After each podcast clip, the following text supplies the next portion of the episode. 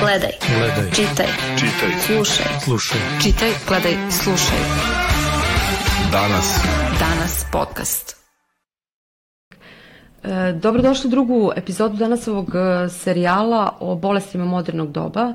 Danas razgovaramo o van telesnoj oplodnji i e, za početak samo bih podsjetila da je prva e, beba dobijena ovim putem, odnosno van telesnom oplodnjom, e, 1978. rođena, znači pre 44 godine. U Srbiji prvi takav slučaj zabeležen je 1987. Umeđu vremenu dosta toga se izdešavalo, medicina je naravno napredovala, a danas ćemo razgovarati o tome koliko su da kažemo i strahovi koliko, koliko se za, za sve te godine decenije e, situacija e, promenila, pogotovo ovde u Srbiji. Moj, ja sam Ljeljana Bukvić, moji današnji gosti su Marijana Rezanović iz Udruženja Šanse za roditeljstvo i doktor Milan Milenković, koji je, ovo ću morati da pročitam, i e, specijalista ginekolo, ginekologije košerstva i subspecijalista reproduktivne medicine, doktor medicinskih nauka. Vi ćete još posle dopuniti šta ste sve radili, pričat ćemo, pomenut ćemo šta ste vi sve kroz vašu bogatu karije, karijeru radili. Za početak sam samo htela e, da, da ne pričam ja o tome šta je van telesna oplodnja. E, Ljudi verovatno već i znaju, načuli su, ne znam, možda detaljno tek ljudi koji uđu u celu tu proceduru saznaju šta to uopšte znači. Šta je, šta je van telesna e, oplodnja? Evo, pitaću doktora, logično, da, krene, da krenemo od njega i da pomenete usput i šta su to e, najčešći ti uzreci neplodnosti i, neplodnosti i kada u kom trenutku parovi uopšte, uopšte dođu do, u situaciju da moraju da idu na van telesnu oplodnju. Pa vantelesna oplodnja je danas najuspešniji način lečenja neplodnosti ili infertiliteta. Svakog meseca ko žene se oslobodi jedne jajne ćelije, to se zove ovulacija. Ne sad, kad radimo vantelesnu oplodnju, mi stimulišemo jajnike da proizvode više jajnih ćelija istim hormonima koji se proizvode u organizmu žene.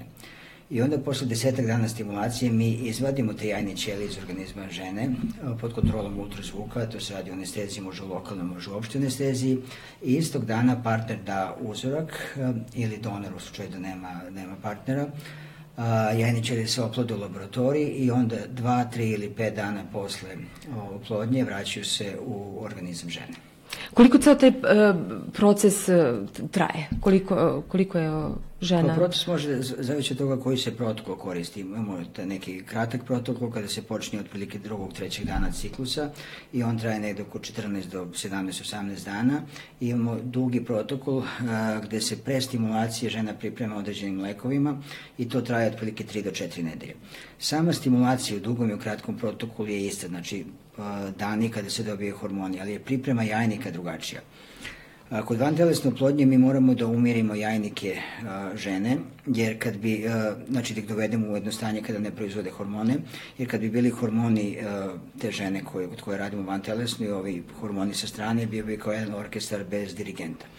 I u drugom protokolu prvo se dobijaju lekovi da se jajnici umire, pa se onda kreće stimulacija, a u kratkom protokolu se prvo krene stimulacija, pa se posle od petog, šestog dana stimulacije dobije jedan lek koji bukvalno u roku od 2 do 3 sata blokira jajnike. Mhm. A e, kako vi procenite koja žena je za, za dugi, pro, ili tu ima neka procedura e, koja je za kratki protokol? Da, danas se najčešće radi kratki protokol, jer tu možemo da prvo ovaj, manje da kažem, stresan za ženu. Međutim, kod nekih e, žena kod kojih je već rađen taj kratki protokol pa nije došlo do uspeha ili kod žene koji imaju lošu rezervu jajnika ili gde se procenjuje da, da bi taj dugi protokol mogao da bude bolji, radi se taj, taj dugi protokol. Otprilike danas 80% tog kratkog protokola i 20% dugog protokola.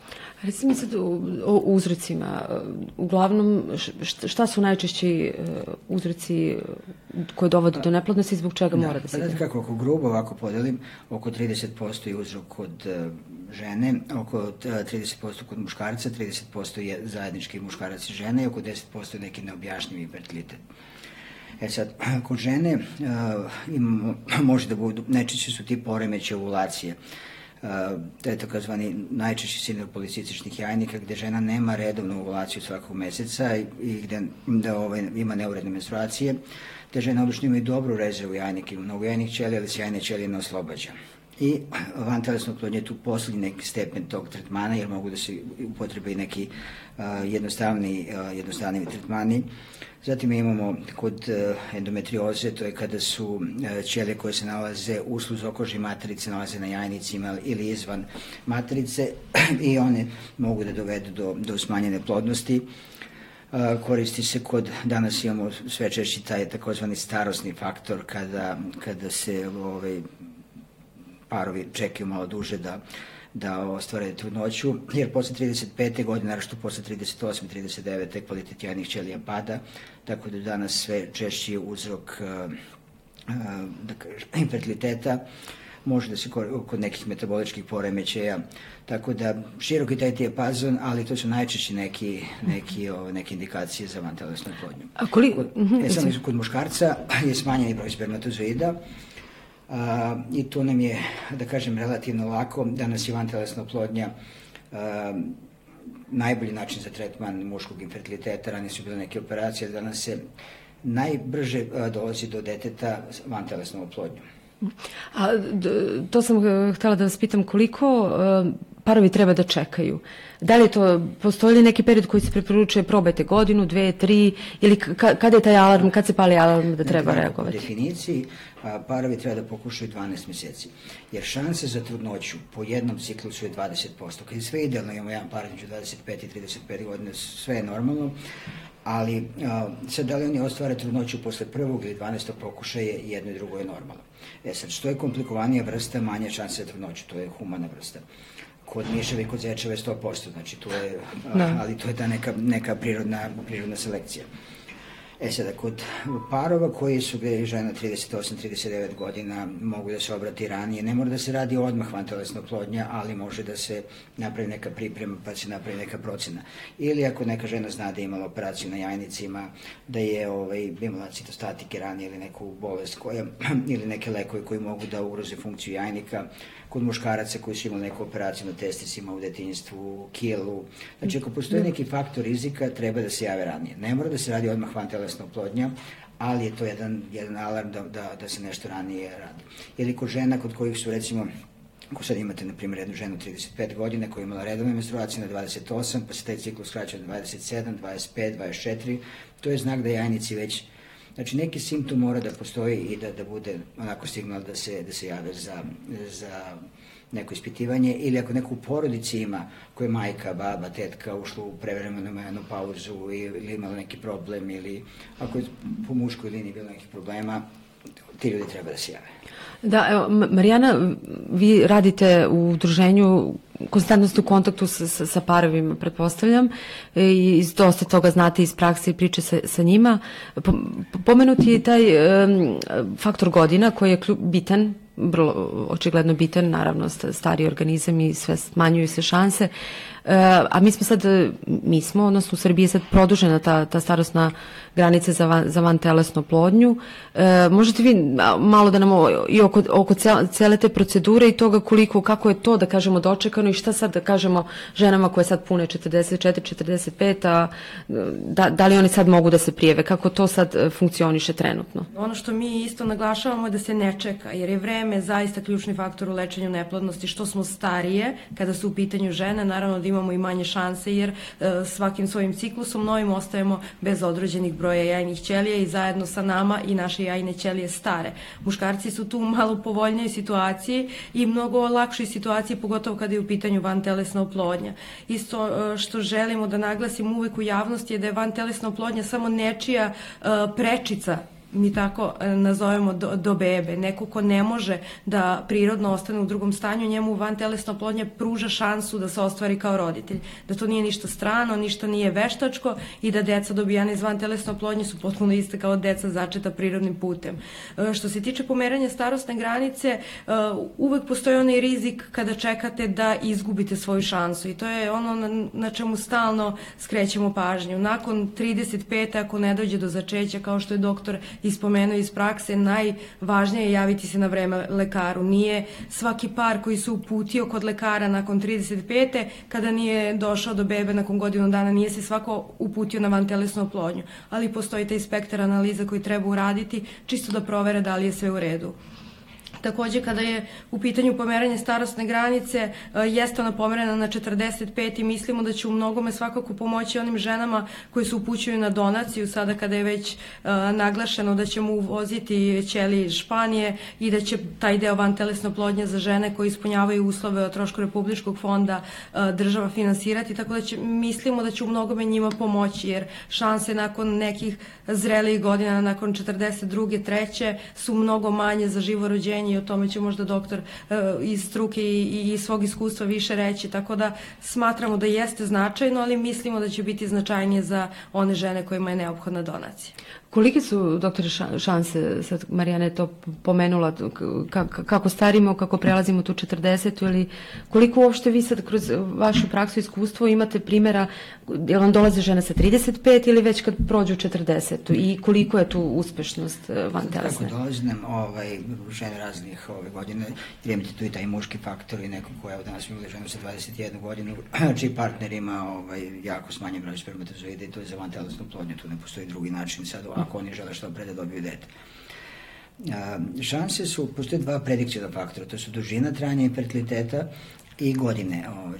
E sad, sa, ako gledamo po transferu, a, kod žena mlađih od 35 godina, šanse po jednom transferu embriona, kad vraćamo jedan embrion je oko 50%. Kako ove, stare žene, recimo sa 44 godine, šanse 3-4% da žene dobiju dece. Dete, ove, trudnoće su nešto više, ali oko u prosjeku oko 20% žena dobije spontane pobačaje, sa godinama i taj procenat raste, znači u 44. i 45. i taj procenat je na 40-50% šans, uh, rizika mm -hmm. za, za spontane pobačaje. Tako da je jako vezana, rezultat je, je ovaj, korelira sa, sa godinama ovaj, žene.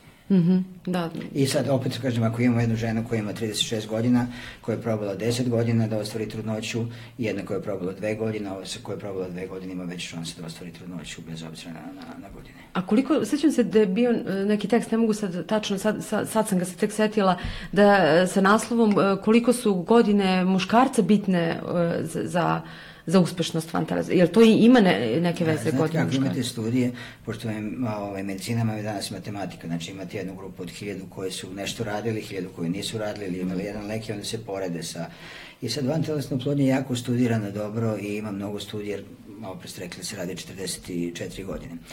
A, što se tiče začeća, vreme do začeća na engleskom to je time to pregnancy je duže kod starih muškaraca, znači to raste sa godinama. I sad postoje isto neke studije da, da ovaj, kod starih muškaraca deca mogu da imaju nešto povećan rizik za neke anomalije, ali to nije još uvek potvrđeno. Ali to što znamo sigurno da se, znači možda se ostvari trudnoće za 65 godina, ali to vreme koje može treba muškarcu jednom od 38 godina, ne znam, 6-7 meseci, ovde će to uzeti znatno, znatno više vremena.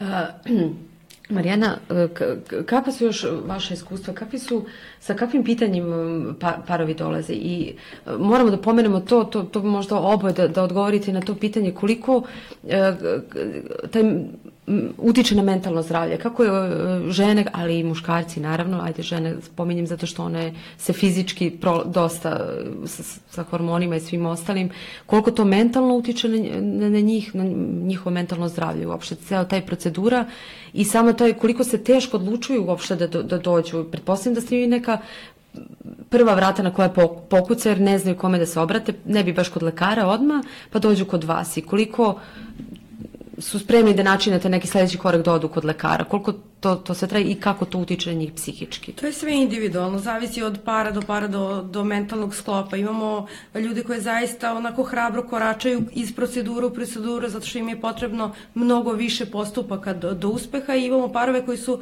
prosto možda iz stigmatizovanih sredina pa ih je sramota čak i da lajkuju možda našu stranicu na, na Facebooku da ne bi neko video. E, što se više govori o vantelesnoj plodnji, možda i, i javnost više prihvata da je to nešto apsolutno normalno normalno, nije ništa strašno, nije ništa novo.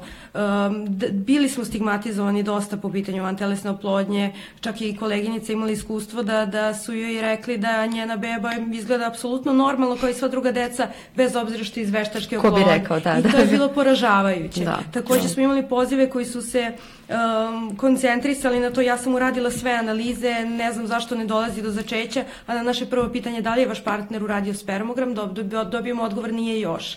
I to ne može tako. Znači prve, prvi koraci jesu možda neki hormonski status žene i spermogram kod partnera, nije sve u ženi. Iako žena ostaje u drugom stanju, nosi trudnoću, rađa bebu, za sve je potrebno dvoje, tako i za, e, za čeće, pa i za vantelesnu oplodnju. E, svakako da psihološki pritisak jeste prisutan jer uh, parovi, čak i single žene bore se sa, sa, tom, sa tim pritiskom da li će dobiti ono što u tom momentu žele najviše.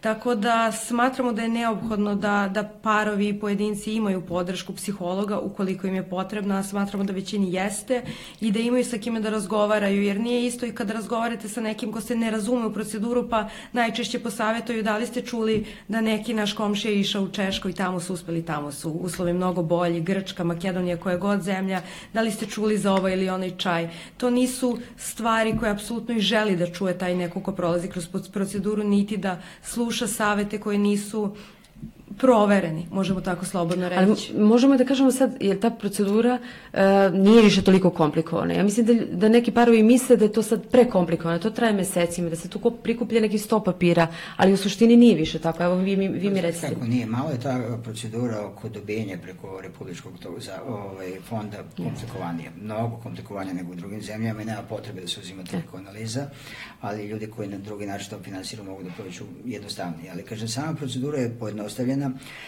i strah proizlazi iz neznanja ili iz nedovoljne informacije. Ako u jednom paru objasnite kako to izgleda, šta sve može da se desi, ko, šta se dešava prvih dana, koji su neželjeni efekti lekova, da li postoji rizik za karcinom posle 20 godina, da li postoji rizik za diabetes, da kad im kažete da ne postoji taj rizik, kad im kažete da je rizik kod krvarenja i infekcije manje od 1%, da postoji rizik od hiperstimulacije, to je kad su veliki jajnici, voda u stomaku, bolovi.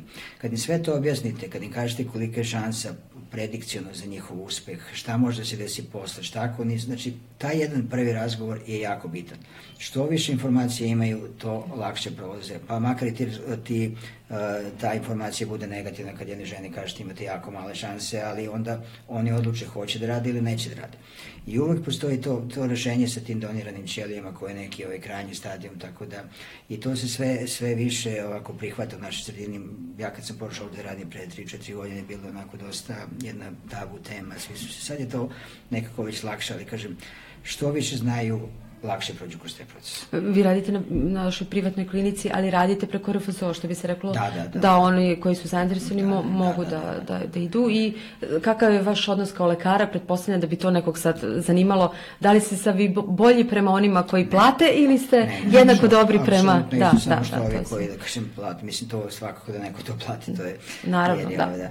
Ali, kažem, mi se trudimo da da to ne pravimo patologizaciju tog procesa. Znači, to jeste definisano kao bolest, svetska organizacija definiše, ali to nije kao neka bolest kada imaju ste mnogo bolesni, pa sad dođete sutra u 11, mora da bude operacija ili neko drugačije. Znači, treba da prođe kroz jedan dijalog, da mi nekad nam neko kaže hoću da imam sa manje hormona, mi kažemo dobit ćete manje jednih ćelija, manje vam je šansa trudnoću, ali ako oni kažu mi to hoćemo, mi se plašimo, mi kažemo ok, vaši, radit ćemo tako, ali bitno da im kažemo šta sve može da, šta sve može da bude. Ali kažem, sa uh, jedna dobra klinička anamneza uh, može da prođe sa mnogo manje tih analiza krvi, recimo uh, ako jedna žena ima redovne menstruacije na 28 dana, ta žena ima apsolutno normalne hormone. Možete da uzimate svakog meseca, ona će imati normalne hormone, ali može da ne, da ne dolazi do trudnoće. Znači, to je jedan nastanak trudnoće kao kad imate jedan orkestar od 100 muzičara i čim jedan pogreši ne dođe do trudnoće. Da, znači, jedna da. jako kompleksna, a, kompleksna da kažem, mehanizam u samom organizmu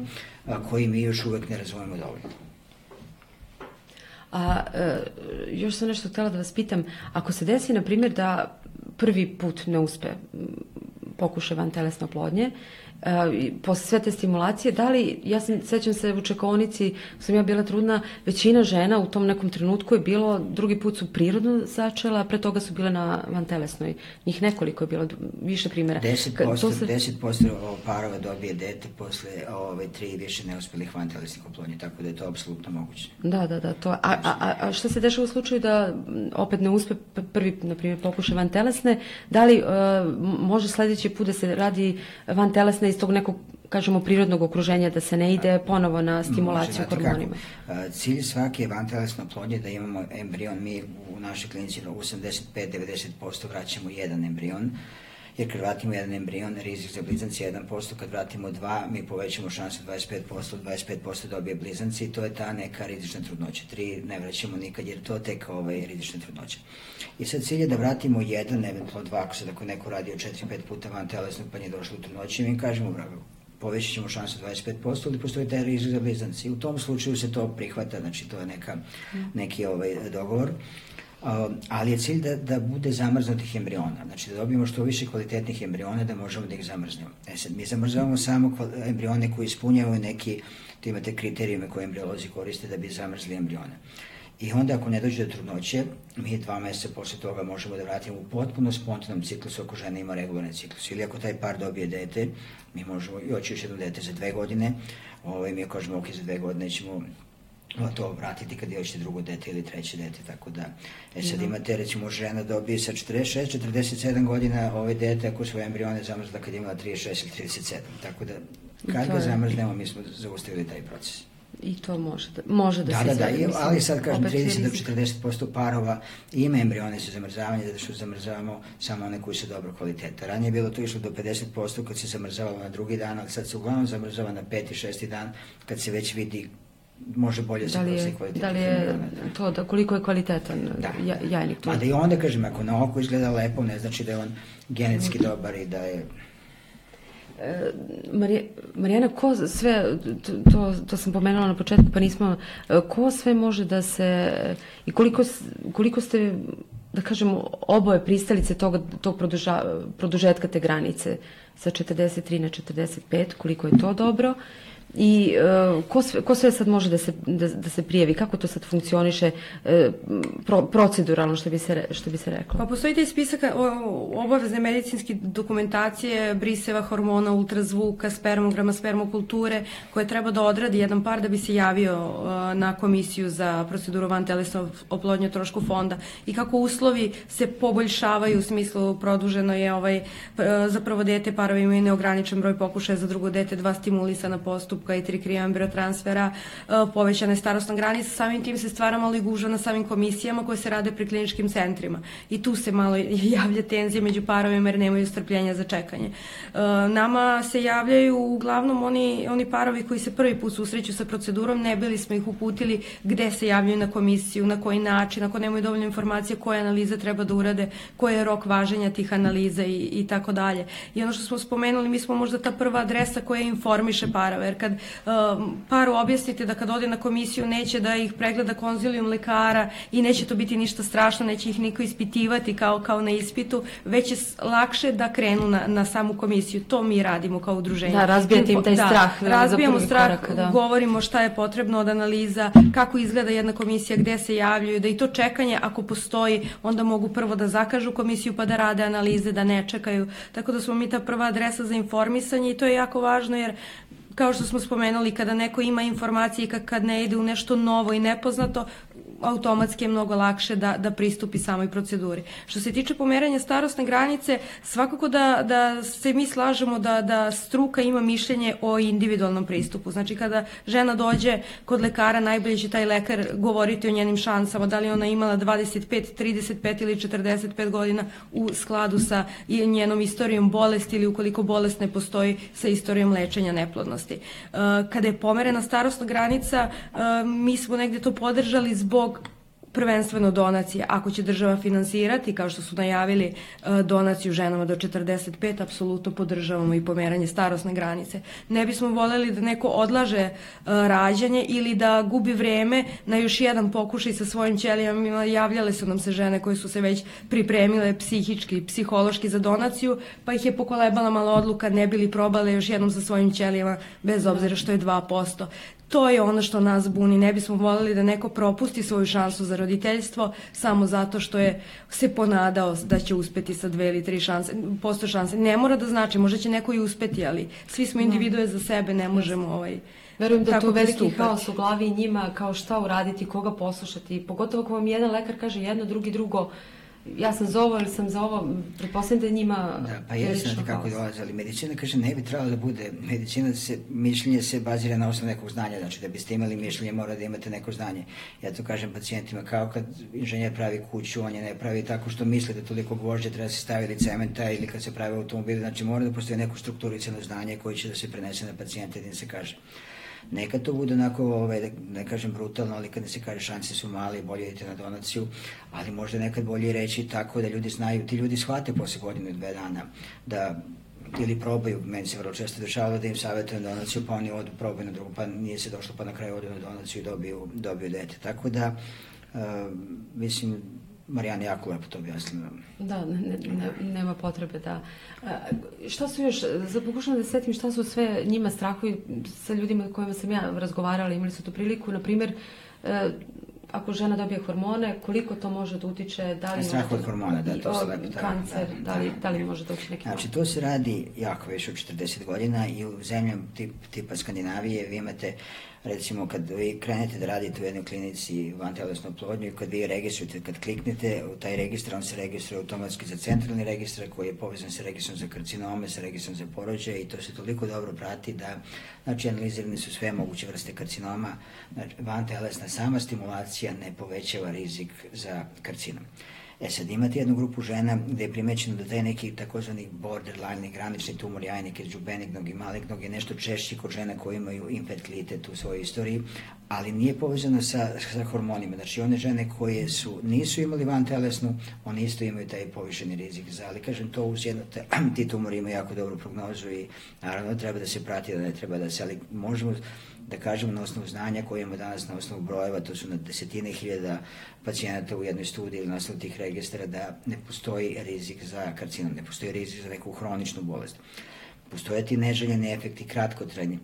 Znači, ako imate taj, da kažem, dugi protokol gde se prvo priprema o, injekcijama koje blokiraju funkciju jajnika, prvih 5-6 dana nema nikakvih tegoba, ali onda mi žena uvedemo u menopauzu, onda je lupa srce, loše spava, suva je koža, suva kosa, ali čim krenemo sa hormonima to nestaje. I sad prvih nekoliko dana sa hormons, na hormonskoj terapiji nema neželjenih efekata, posle toga može da bude nadutost, bolovi u stomaku, da loše spavaju, da, da im se spava u toku dana, nesvestice, ali to nemaju sve žene i to je jako individualno. Ali opet ako im to kažete, ako im kažete koji je rizik, recimo rizik, ako uzmemo jednu spontanu začitu trudnoću, rizik za diabetes i povišni krvni pritisak je 3%, kod vantelesne je 5%, kod blizanaca je 10%. Ali sve se to reguliše na neki način, to uglavnom nastaje na kraju trudnoće, ali kažem, ako pacijenti znaju, znaju šta ih čeka i onda je spremni da očekuju to, to što se desi. Ali rizik je to kao kod hodate po ledu, pa ako se pazite, vi nećete da padnete. Tako, znači, rizik se smanjuje iskrenom, treningom, pravilnim načinom života, tako da Htela sam to da pomenemo, pošto, eto, prosto bi mi bilo žao da ne pomenemo šta, šta ste vi sve radili. Znači, vi ste bili član švedskog tima za transplantaciju materice koji je 2014. prvi put u svetu porodio dete iz prethodno uspešno presađene materice. To je, možete da nam kažete kakav je to poduhvat i koliko je sad to... Da, pa do, mi smo radili... Da li se to u Srbiji sad radi? Radili smo jednu transplantaciju u Srbiji, evo baš sam sad, na, ovaj, ovaj, prijavili smo dve transplantacije za sledeću godinu. E sad šta je to? Znači, kod žena koje su rođene bez materice, jedna od 4 do 5 hiljada žena se rodi bez materice i ovaj, on, to su kandidati za... I to je neki poslednji faktor infertiliteta koji je tom transplantacijom prevazićen. Dotle su ovaj, parovi imali mogućnost da usvoje dete, imali su to surogat uh, materinstvo. A, taj tim koji je, a, gde je rođeno to prvo dete, to je profesor Branstrom koji je počeo da radi istraživanje 1999. godine od miša, pacova na sve većim životinjama, na kraju na majmonima, pa je urađena ta humana. I mi smo radili tu seriju od devet, prvih devet, znači 2012. 2013. 2014. rođeno, dete, a, rođeno prvo dete. A, a, do sada imamo oko 20 dece, znači računajući ovo iz Srbije, da kažemo da je to ovaj, zajedničko, i 19, oko, mislim 18 ili 19 u, u Švedskoj, ima oko 40 dece u svetu koji su rođene posle te, te procedure. A, druga grupa koja je kandidat za transplantaciju matrice su žene koje su zbog karcinoma, zbog krvarenja na porođu, zbog mioma ostale bez materice. To je najkomplikovanija tehnička operacija koja se danas radi, znači mnogo komplikovanija nego transplantacija srca ili nekog drugog organa. I uh, polako ulazi u neku kliničku praksu. Mi smo sad podali zahtevi da se to finansira preko Republičkog zavoda za zdravstveno osiguranje i, kažem, najavili smo, imamo, vrlo verovatno ćemo sledeće godine raditi dve transplantacije u Srbiji. A, vi ste isto ra- radili a, transplantacije jajnika e, ženama koje su, to sam isto negde pročitala da ste vi bili, da, da, da žena koja je bila da. bolesna. Pa da, e, mi smo to, to imamo, sad ima možda 200 dece u Srbiji, ja sam to radio do sad samo u Švedskoj, tamo ima oko 15 rode, ove dece, znači žene koje, e, mlade žene koje obole od karcinoma, da karcinom dojke, leukemiju, uh, rak limfnih žlezda, uh, pre nego što krenu terapiju, ako znamo da će ta terapija biti jako agresivna za jajnike i da može da ih dovede u prevremenu menopauzu, mi zamrznemo ili jajniće ili tkivo jajnika, Uh, I kad žena ozdrava, danas je stvarno to lečenje karcinoma, ako se, našto ako se otkrije u ranoj fazi, ovaj, ima jako visoku uspešnost. I kad žena ozdravi, mi im vratimo to, ovaj, retransplantiramo, znači isto njihovo tkivo odmrznemo i vratimo ga i ovaj, onda one dobiju dete i vratim se hormonska funkcija. To sam Marijana videla kod, kod vas na sajtu, čini mi se da, to, da će i to biti moguće preko RFZO-a sada. Tako, Najavili su zamrzavanje materijala za onkološke bolesnike pre početka lečenja, što bi podiglo onkofertilitet na jedan poseban nivo. Ja. Da, to. Ja sam radio godinama u Švedskoj i Karolinsku, gde je stvarno jedan veliki centar za, i gde postoje ogromno iskustvo sa, sa time. I kod muškaraca isto zamrzavanje spermatozoida, kod muškaraca je to mnogo lakše. A, zato što se zamrzne, zamrzne spermatozoide, ali to je kod muškaraca posle puberteta. Pre puberteta za muškarce još uvek ne postoji rešenje, jer ovaj, tkivo jajnika može da se zamrzne kod devojčice od 3-4 godine koja je dobila leukemiju. Ili... Mm -hmm. Mi smo taj, ako, taj slučaj što je bio u novinama, to je jedan od prvih slučajeva u svetu gde smo uradili transplantaciju kod žene koja imala, kod devojke koja je imala leukemiju. Jer se smatra da se leukemija širi putem krvi i da postoji rizik da se maligne ćelije vrate tom transplantacijom. E sad, mi smo određenim genetskim testovima, tom PCR tehnikom potpuno isključili mogućnost da se, ovaj, da se da te ćelije postoje u tom tkivu koje smo zamrzli i ta žena je rodila dvoje dece. I to je jedan od prvih, mislim da je treći slučaj u svetu koji je publikovan, ali tom genetskom metodom smo mi to, kažem, razvili tu metodu da, da isključimo prisutstvo malignih ćelija. I, I ta deca, eto, to su, to su sad ono, babske priče ili priče sa foruma, bolje, bolje reći.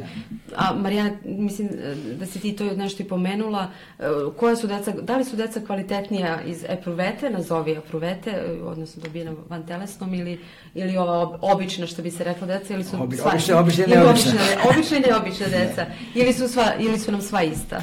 Sva To- nam da ista. razbijemo nekako taj Nama je bitno da dobijemo što, što više uh, dece, s obzirom da, ovaj, da, da je u Evropi vlada, vlada ta statistika, da je svaki šesti par ima problem sa neplodnošću. Znači, nama je cilj da pobedimo tu statistiku i tu brojku, da, da bude manje ljudi koji žele decu, a više onih koji su ostvarili potomstvo, tako da i da razbijemo te tabuje o običnoj i neobičnoj deci, van telesna oplodnja je način dobijanja deteta, potpomognuta oplodnja, samo malo drugačija nego, nego u, u nekim drugim uslovima, ali svakako je rezultat Tako je potpuno vaše isti. dete, nije tuđe dete. Va, mislim, Da, i deca su zdrave, da, to što ste, ako ste, ove, ste pitali. Znači, ta deca se, kao što se žene prate, tako se i deca prate. Znači, oni nemaju ništa veći neurološke poremeće ili neke druge bolesti. E sad, to ako imate parove koji su jedno dete dobili iz vantelesne, drugo posle spontano, deca iz vantelesne su prike 10% imaju manju telesnu masu na rođenju, ali sad, znači, to ne utiče na njihovo obolevanje ili na, da budu više, ovaj, da imaju neke tegobe kasnije. Ali što je interesantno, deca koja su rođena posle zamrz, vraćanja zamrznutog embriona imaju veću telesnu masu. Tako da to nešto vjerojatno u laboratoriji, sad se mnogo radi na tome da se vidi šta je to i kako je. E, kažem, ranije je bilo nekih ovaj, observacija da, recimo, kod muškog infertiliteta, da ta deca imaju veću šansu da, ili veći rizik da imaju onaj muški infertilitet, ali to se danas ovaj, re, rešava, znači, ovaj, rešava se tim, tom mikroinjekcijom i Da, ali kažem da je nešto opasno, ono generalno i za ženu i za dete nije. Nije. Ne bi se to radilo, ne, neko ne, ne. bi radio da, da, da ti sad da radite vi sad da bi dobili dete pa da bi neko dobio neku ozbiljnu bolest, mislim to bi do sad neko ovaj, stopirao. Nema, nema potrebe za tim nekim strahom. Ne, naravno, ne, Uglavnom je neopravdano. Često imamo i te tabuje da ugojit ću se od hormona, izaći će mi bubuljica, opašće mi kosa zbog nekih uh, ranijih možda slučajeva koji nisu bili toliko česti i nekad možda u, u toj našoj gojaznosti i tražimo zapravo utehu da je to zbog hormona ili nije, ali zaista nije uh, strogo i striktno bitno da će neko e, i svoju telesnu masu uvećati e, zbog hormona i niti uništiti svoj organizam ili da to bude predikcija za neke bolesti kao što smo malo pre spomenuli. I, I mnogo je bitno o tome pričati jer kada vi nekom objasnite da kada uđe u proceduru van telesno plodnje neće se desiti ništa strašno, apsolutno je odmah tom nekom lakše da, da, da prođe kroz samu proceduru. Kada objasnite da to nije toliko komplikovano, da nije bolno, da nije nešto što će mu naneti štetu, već je samo put ka cilju, mnogo drugačije, ljudi i gledaju na samu proceduru. Jeste, to, to je ono što vi njima i, i u stvari e, kažete. A kakva je sama trudnoća, ali se razlikuje ili to opet individualno od žene? To žena nema nikakvih specifičnosti. Da li se, na primjer, te trudnoće more češće održavaju? Od onih običnih ili ne?